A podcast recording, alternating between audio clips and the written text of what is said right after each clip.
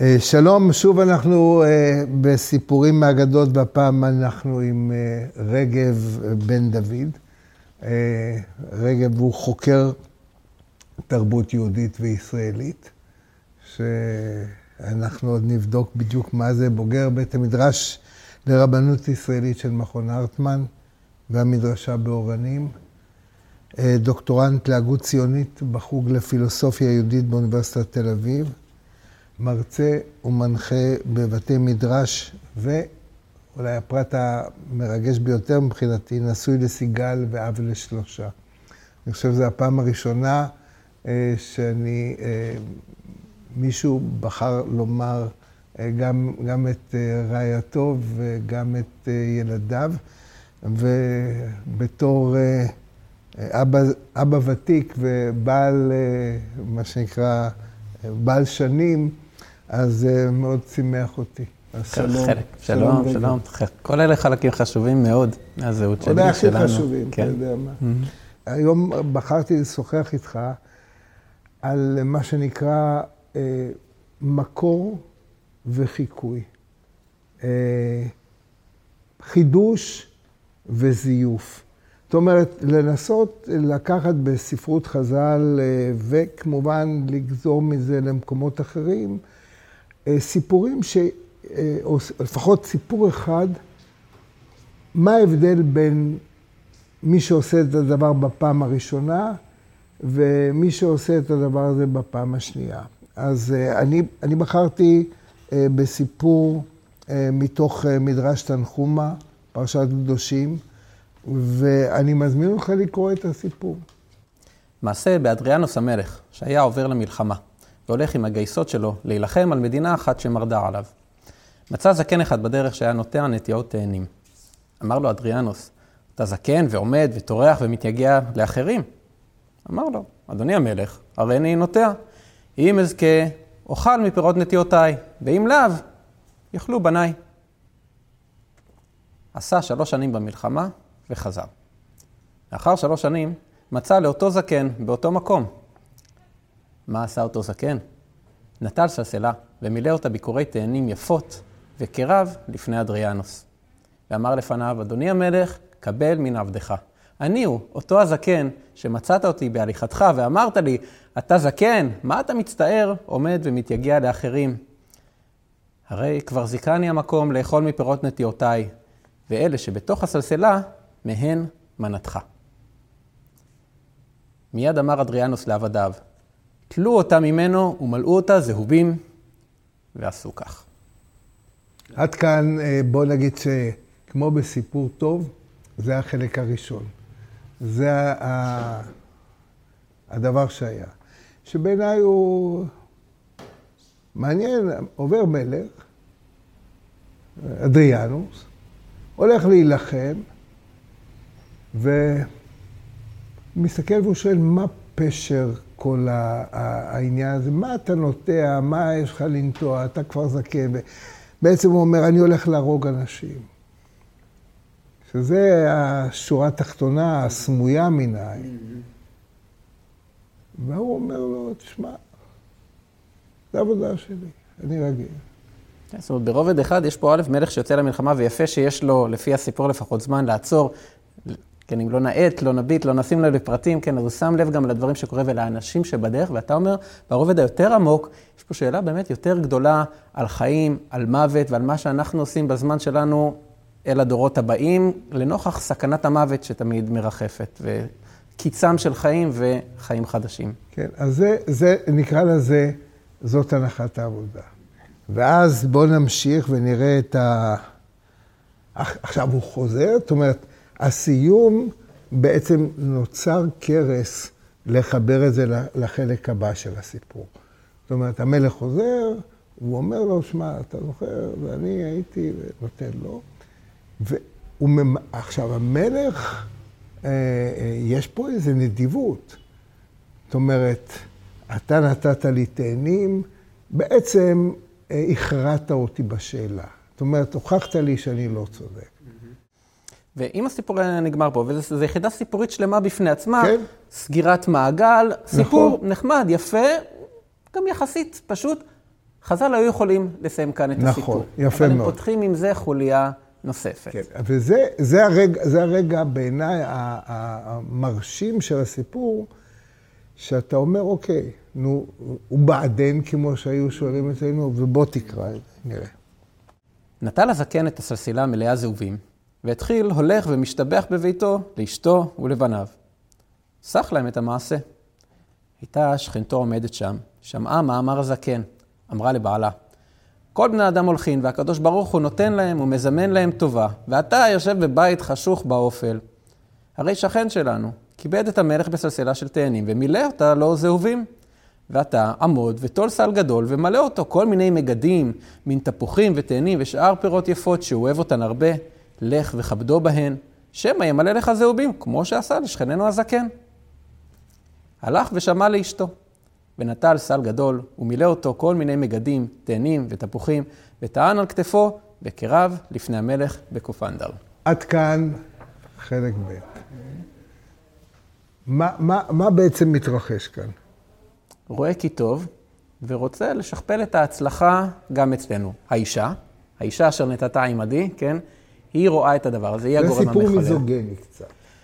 הוא יהפוך להיות אחד כזה, כן. בינתיים, אה, בינתיים האישה עוד לא דמות אה, שלילית, נכון? היא רואה, היא פתוחה, אה, היא פתוחה וקשובה למה שקורה מסביבה. אבל יש לה כוונת זדון.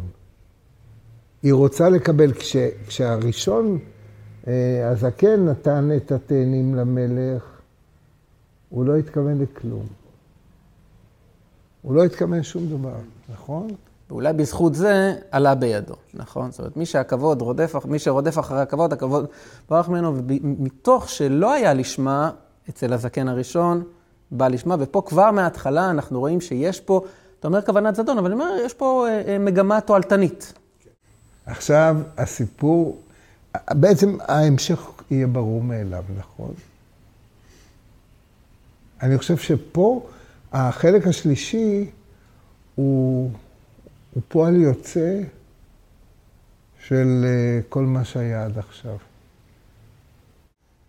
אם אנחנו מניחים, אם אנחנו מכירים את הדפוס או, או את התכונה האנושית, ואנחנו מניחים שברגע שהתנאים הראשונים הם לא חוזרים על עצמם, וכבר יש פה עירוב של מוטיבציות, משהו כאן כנראה ילך לא לפי המתוכנן. אז אולי זה, זה, הנושא הוא בין תום לחוסר תום, לא מקוריות וחיקוי?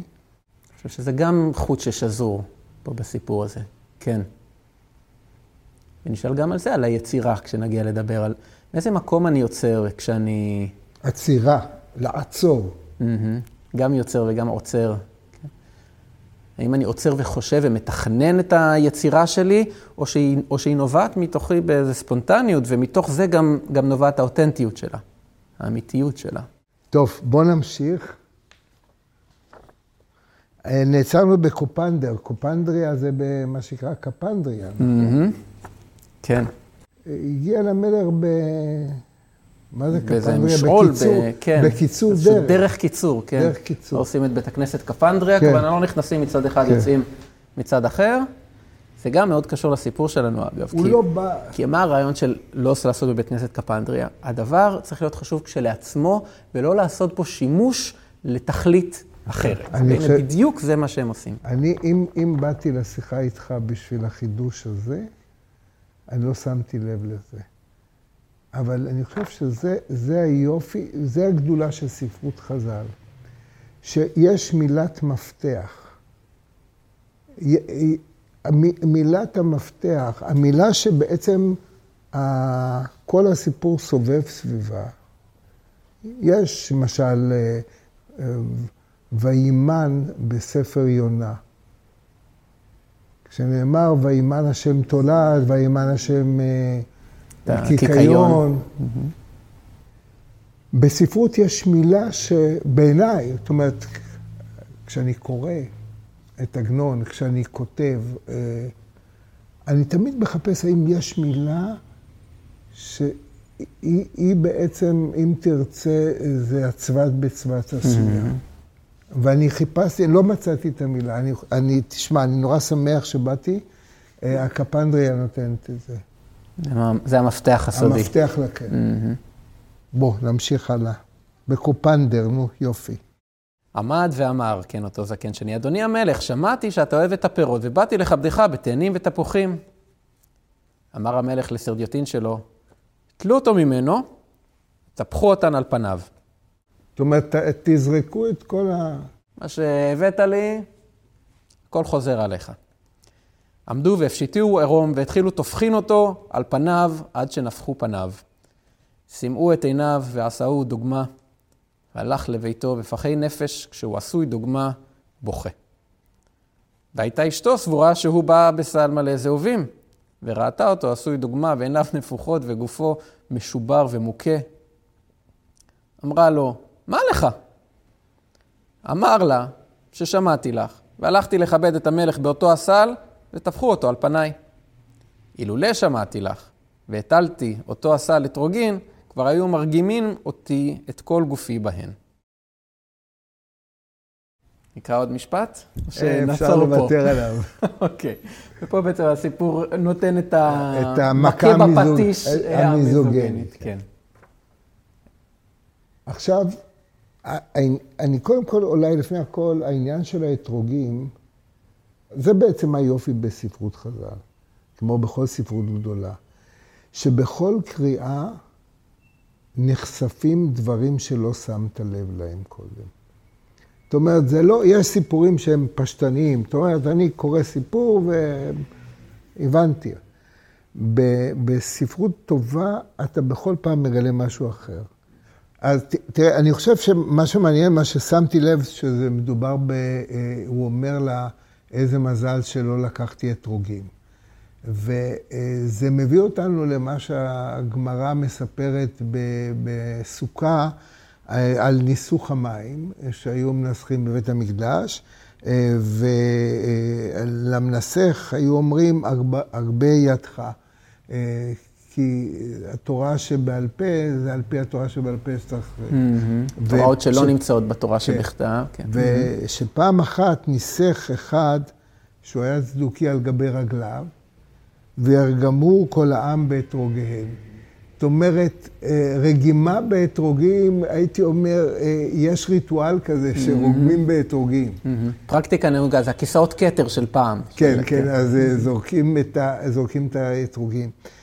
אבל, אז בוא... בוא, בוא זה, נק, זה נקודה מאוד ניקח... מעניינת, כי דרך, דרך זה, דרך ההקבלה הזו, הקריאה האינטרטקסטואלית שאתה מציע, אפשר להעמיק את ה... לעשות דאבל קליק על האתרוג כסמל התורה שבעל פה, וליכולת להתחדש על גבי התורה שבכתב. וזה פותח לנו את הצוהר לכל ספרות חז"ל, שאם אנחנו אה, מתחברים רגע לעורק ש... אה, אה, שלנו של מקוריות וחידוש, כל המפעל הגדול של חז"ל הוא לקחת את המילים הכתובות, המילים הכתובות, המקובעות, הנתונות של התורה שבכתב, ובלי לוותר עליהן, להצליח לחדש על גביהן ולהפרות אותן בהרבה מאוד חידושים, אבל שעוברים דרך, ה... דרך החיקוי, דרך החזרה לשכבה המקורית הזו.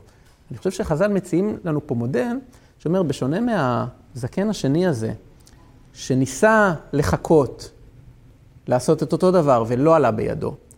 חז"ל אומרים, אנחנו ניקח את המילים הישנות, אבל אנחנו לא מוגבלים למשמעויות הקודמות שלהם. אנחנו יכולים באמצעותן לחדש. תראה, אז על הסיפור המקורי, הבסיסי, אה, אה, אתה בונה מבנה נוסף, אה, שהוא בעיניי מרתק. אה, המבנה של לא רק, לא רק, ה, הייתי אומר, המקוריות אה, או התום. יש כאן, אה, הזקן, בחלק, הזקן הראשון, הוא אדם תם וישר. ואני חושב שמה שמכבד אה, אה, בסצנה הזאת, מה שמכבד אדריאנוס, שהוא אה, רוצח גדול והוא נבלה, ובוא נגיד, הוא נכבש אל התום ואל התמימות של, ה, של הזקן הזה. זה נכון שהוא, הוא, עצם הראייה הזאת, אז הוא בא וכאילו באיזה סוג של בוז, הוא אומר, תגיד, מה, מה יש לך? לך, תעזוב את זה. הוא אומר, תראה, ואז הוא נכבש לדבר הזה, והתום שלו, והוא נותן לו, הוא אומר, תהנה, מה, תהנה מהפירות. נתתי את זה בשביל שהעולם ייהנה, אז גם אתה יכול ליהנות. והחלק החלק השני, האישה שם מייצגת את זה, אבל לצורך העניין גם הבעל האידיוט, זאת אומרת, אה, אה, למה, למה היה צריך להגיד לאשתו, תראי, תעזבי. מה, למה זה לא עולה בידו? למה לעשות את מה שראינו שהצליח, למה זה לא מצליח? כי הוא בא, הוא בא בשביל לקבל את השכר. Mm-hmm. ואולי זה יכול להביא אותנו לדיון נוסף, אה, שאל אל תשמשו... אה, את הרב על מנת לקבל פרס? על, על מנת mm-hmm. לקבל פרס. Mm-hmm. הדברים אה, צריכים להיעשות מתוך תום, מתוך... שלא על מנת לקבל פרס. הרצון לקבל פרס, אגב, זה אני תמיד מרגיש כש... בעניין אחר לגמרי, אבל תגיש את מועמדותך לפרס מסוים. Mm-hmm. אני חושב שכל העניין הזה הוא, הוא, הוא, הוא, הוא, הוא מזויף ופסול. זאת אומרת, תשב ועדת השופטים ותחליט מי בעיניה ראוי, ולא שאנשים יגישו את בקשותיהם. ויצטרכו לכתוב המלצות על עצמם ולמנות את שבחם. ולאסוף, כן. ולאסוף את. השבחים. אני רוצה לשאול אותך, כיוצר, וכמי שהוא גם חוקר ספרות, כל ז'אנר אומנותי, כל היבט של תרבות, נשען באופן בלתי נמנע על זה שאנחנו מחקים איזה שהן דוגמאות קנוניות, אנחנו לומדים מהן, אנחנו מנסים להידמות אליהן, על ידי זה אנחנו משתפרים וגם אנחנו מוסיפים עליהן כסופר וכחוקר ספר. אבל אנחנו קונים אותם בשינוי. אוקיי. אנחנו קונים אותם, הייתי אומר, עם, עם איזושהי אה, תוספת.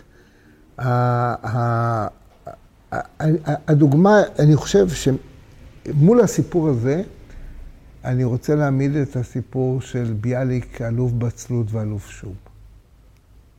שאני לא בטוח, אני, אני, יש לי איזה חשש שהסיפור הזה עמד לעיני ביאליק כשהוא כתב את הסיפור. Mm-hmm, mm-hmm. והסיפור, רק ל, לטובת מה שנקרא מאזינים, אה, על, על בן מלך שנסע, יצא למסעות בעולם ולקח איתו ציוד, ובין השאר הוא הגיע לאחת הממלכות והגישו לו שם סעודה. הוא חש שמשהו חסר, חסר בתבשילים, והגיע למסקנה שבצל חסר. והוא תורם, הוא מביא לממלכה את החידוש שלו, את הבצל. חידוש גמור. שהם לא הכירו. והם כל כך אסירי תודה לו. והם הם, הם ממלאים את שק הבצלים שהוא נותן להם, הם ממלאים ביהלומים ומרגליות וכו' וכו'. זה, זה האדם המקורי.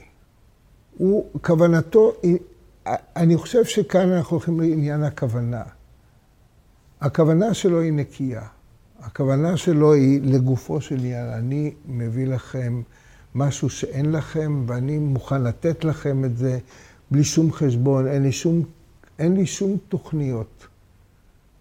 והוא נותן להם את הבצל ממלאים. עכשיו הוא חוזר הביתה, ומישהו מקשיב לו, ומתמלא קנאה. כאן אולי, אולי המוטיב הכללי הוא, החדש, זה הקנאה. Mm-hmm.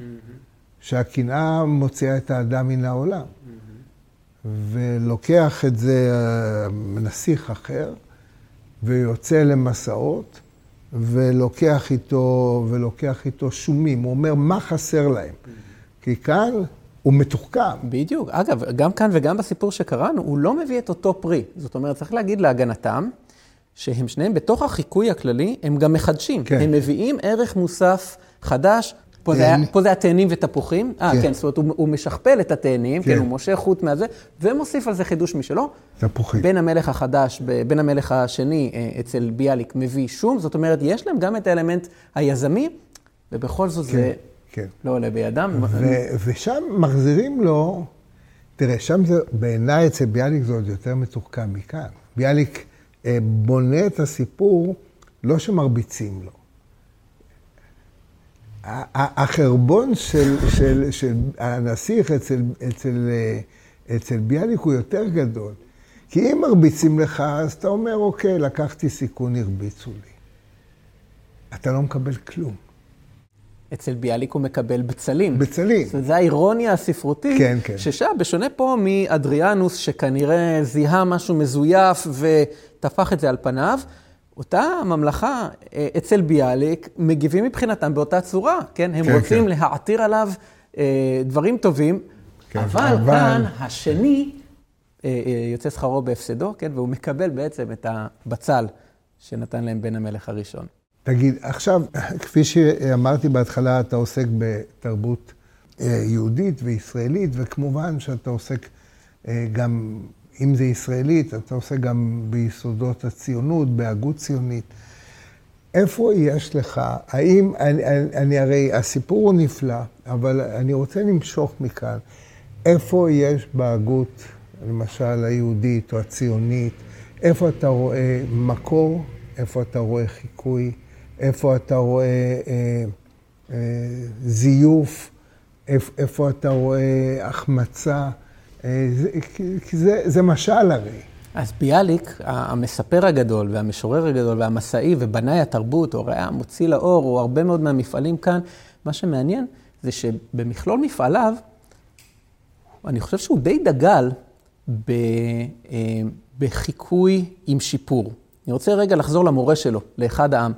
בשנת תרנ"ג, תרנ"ג, סביב 1893, ביאליק מפרסם מאמר בשם חיקוי והתבוללות. ושם אחד העם עושה המשגה, אומר, יש לנו תכונה של חיקוי, זו תכונה בריאה.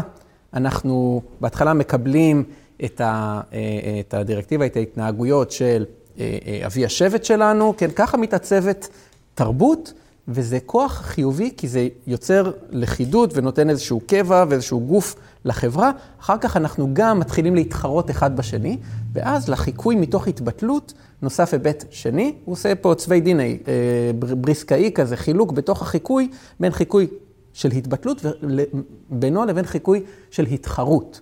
בחיקוי של התחרות אני לא מקבל את מה שראיתי as is, אלא אני מחפש לשפר אותו. ואחד העם, בהבחנה בעיניי מאוד מאוד מעניינת של תרבות, אומר, אלה שני היסודות שמחיים חברה. מצד אחד נותן לה איזשהו קבע, כי אחרת אם כל אחד עושה מה שהוא רוצה, אין חברה. ומצד שני, גם לאפשר לה את החידושים והשיפורים. והתרבות העברית, בדור התחייה הזה, שאחד העם וביאליק היו מה, מהמובילים הגדולים שלו, ומשם עבר לברל כצנלסון ואחרים, מאוד ניסו לא לעשות חידושים גמורים, לא לזרוק אה, אל פח האשפה את ירושת הדורות, כמו שכותב ברל כצנלסון, אלא לקחת אה, את אה, אבני השתייה של התרבות היהודית ולדרוש אותם ולתת להם חיים חדשים. אולי נקריא עוד אה, אה, פסקה מפורסמת שכותב ברל כצנלסון במאמר שנקרא מקורות לא אכזב, זה חלק משיחות שלו עם מדריכים בשנת 1935, אה, והוא במין גרסה שלו לאותה העמדה של אחד העם, אומר ככה: שני כוחות ניתנו לנו, זיכרון ושכחה. אי אפשר לנו בלעדי שניהם. אילו לא היה לעולם אלא זיכרון, מה היה גורלנו? היינו קוראים תחת מסע הזיכרונות.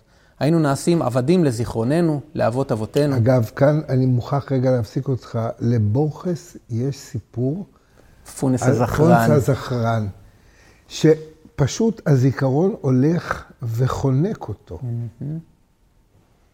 וממחיש לנו שהשכחה היא חלק חיוני במנגנון הזיכרון. זה גם יגידו חוקרי מוח. פסיכולוגיה בקוגניציה, חלק ממנגנון הזיכרון זה ברירה, זה לא רק הגירה, זה סינון וברירה.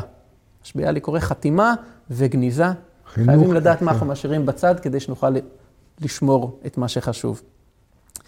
ממשיך ברל. כן, אז אם אה, היה רק זיכרון, קלסתר פנינו לא היה אז אלא העתק של דורות עבר. ואילו הייתה שכחה משתלטת בנו כליל, כלום היה עוד מקום לתרבות, למדע, להכרה עצמית, לחיי נפש? סוף ציטוט.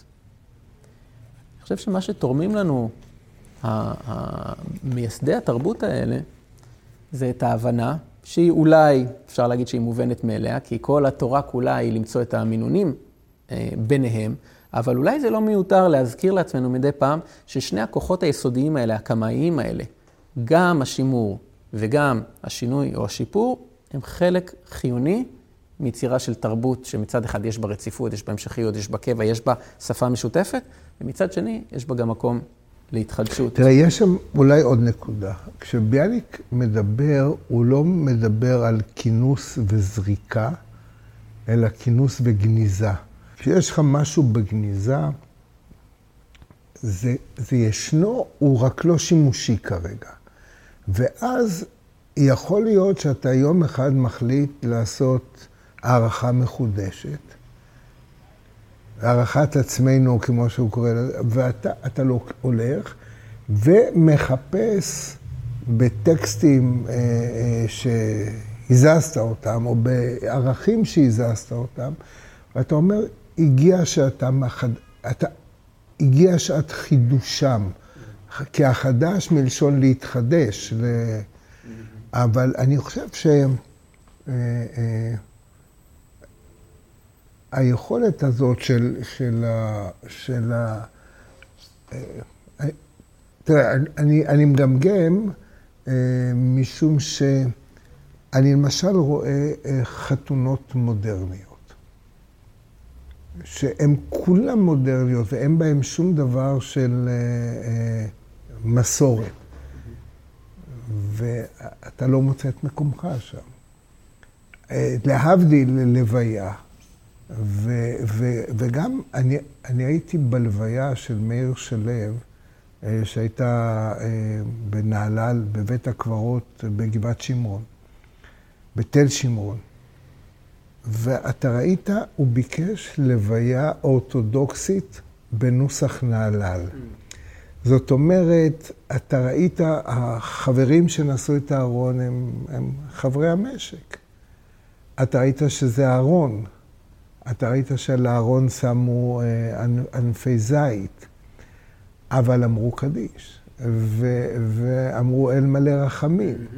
זאת אומרת, היכולת של שימור של חלקים וחידוש בו זמנית. אני חושב שזה הישג, זה היה מרגש מאוד, כי לפעמים אתה בא ללוויה וזה נראה כמו איזה מין אופרה לא ברורה. משהו חדש לגמרי. כן. תראה, אני עובד עם זוגות, אני עורך חופות, אני מלווה זוגות, ותמיד נקודת הפתיחה שלנו היא ללמוד את הטקס המסורתי, ללמוד את ההתהוות שלו, ללמוד את הפרשנויות השונות שיכולות להיות בו. ויש לנו, אני אומר להם, שני מרחבי אה, עבודה, שני מרחבי יצירה. אחד, אם צריך, זה לשנות את הטקסט, כן? לא רוצים להגיד אה, סוסטסיס ותגל העקרה, לא רוצים להגיד אה, זה, בסדר. אבל ההיבט היותר יהודי זה לחדש בתוך הטקסט. זה לחדש מה המשמעות שאנחנו מייחסים לשבירת הכוס, לאם אשכחך ירושלים תשכח ימיני, וליצור את המקום שלנו, את הפרשנות שלנו, שזו גם הדרך שבה נוצר כל ארון הספרים היהודי.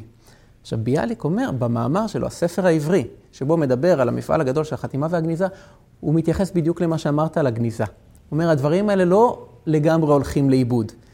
הם עוד נמצאים בהישג יד, ויכול להיות שיבוא הדור שישלח יד ויוציא את הברייתות האלה.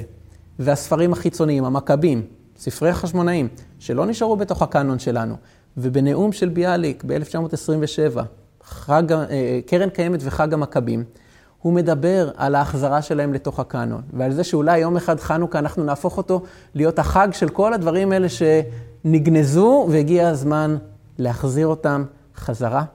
ושוב אותו ברל כצנלסון, באותו מאמר מקורות לאכזב, אומר, דור מחדש ויוצר אינו זורק את גל, אל גל האשפה את, יר, את ירושת הדורות. כן, הוא בוחן ובודק, מרחיק ומקרב, בודק אם יש משהו, עכשיו אני מצטט ככה באופן אה, חופשי, אז, אה, אז אה, אולי לא מדייק בדיוק במילים, משהו שיש בו כדי להזין את נפש הדור המחדש והמחיה, כן? אז אנחנו חייבים לדעת קודם כל מה נמצא שם בבית הגנזים הזה שלנו? מותר, כן, אני אעבור לדימוי אחר של עמוס עוז, ששואל, מיהו היורש הנאמן? הוא לא זה שלוקח את כל הירושה של סבא וסבתא ושופך אותה כמו שהיא באמצע הסלון. אבל הוא גם לא זה שגונז את זה, שזורק את זה בתוך מחסן מכולה שהוא לא יודע איפה המפתח. טוב, אתה יודע מה המקור של הסיפור של עמוס? זה הוויכוח בין הרבנים לקראים, mm-hmm. שהיה אב שהוריש, אמר לבנות, שמע, אני יוצא לדרך ארוכה, ואני משאיר לך, אני משאיר לך גרעיני חיטה. וגרעינים של פשטן. ותשמור לי עליהם. והוא נתן את זה לשני בניו. בן אחד, אה, שמר את זה בתוך, אה, בפריזר. ובמקום מוגן, והשני. זרה והכין את הדברים.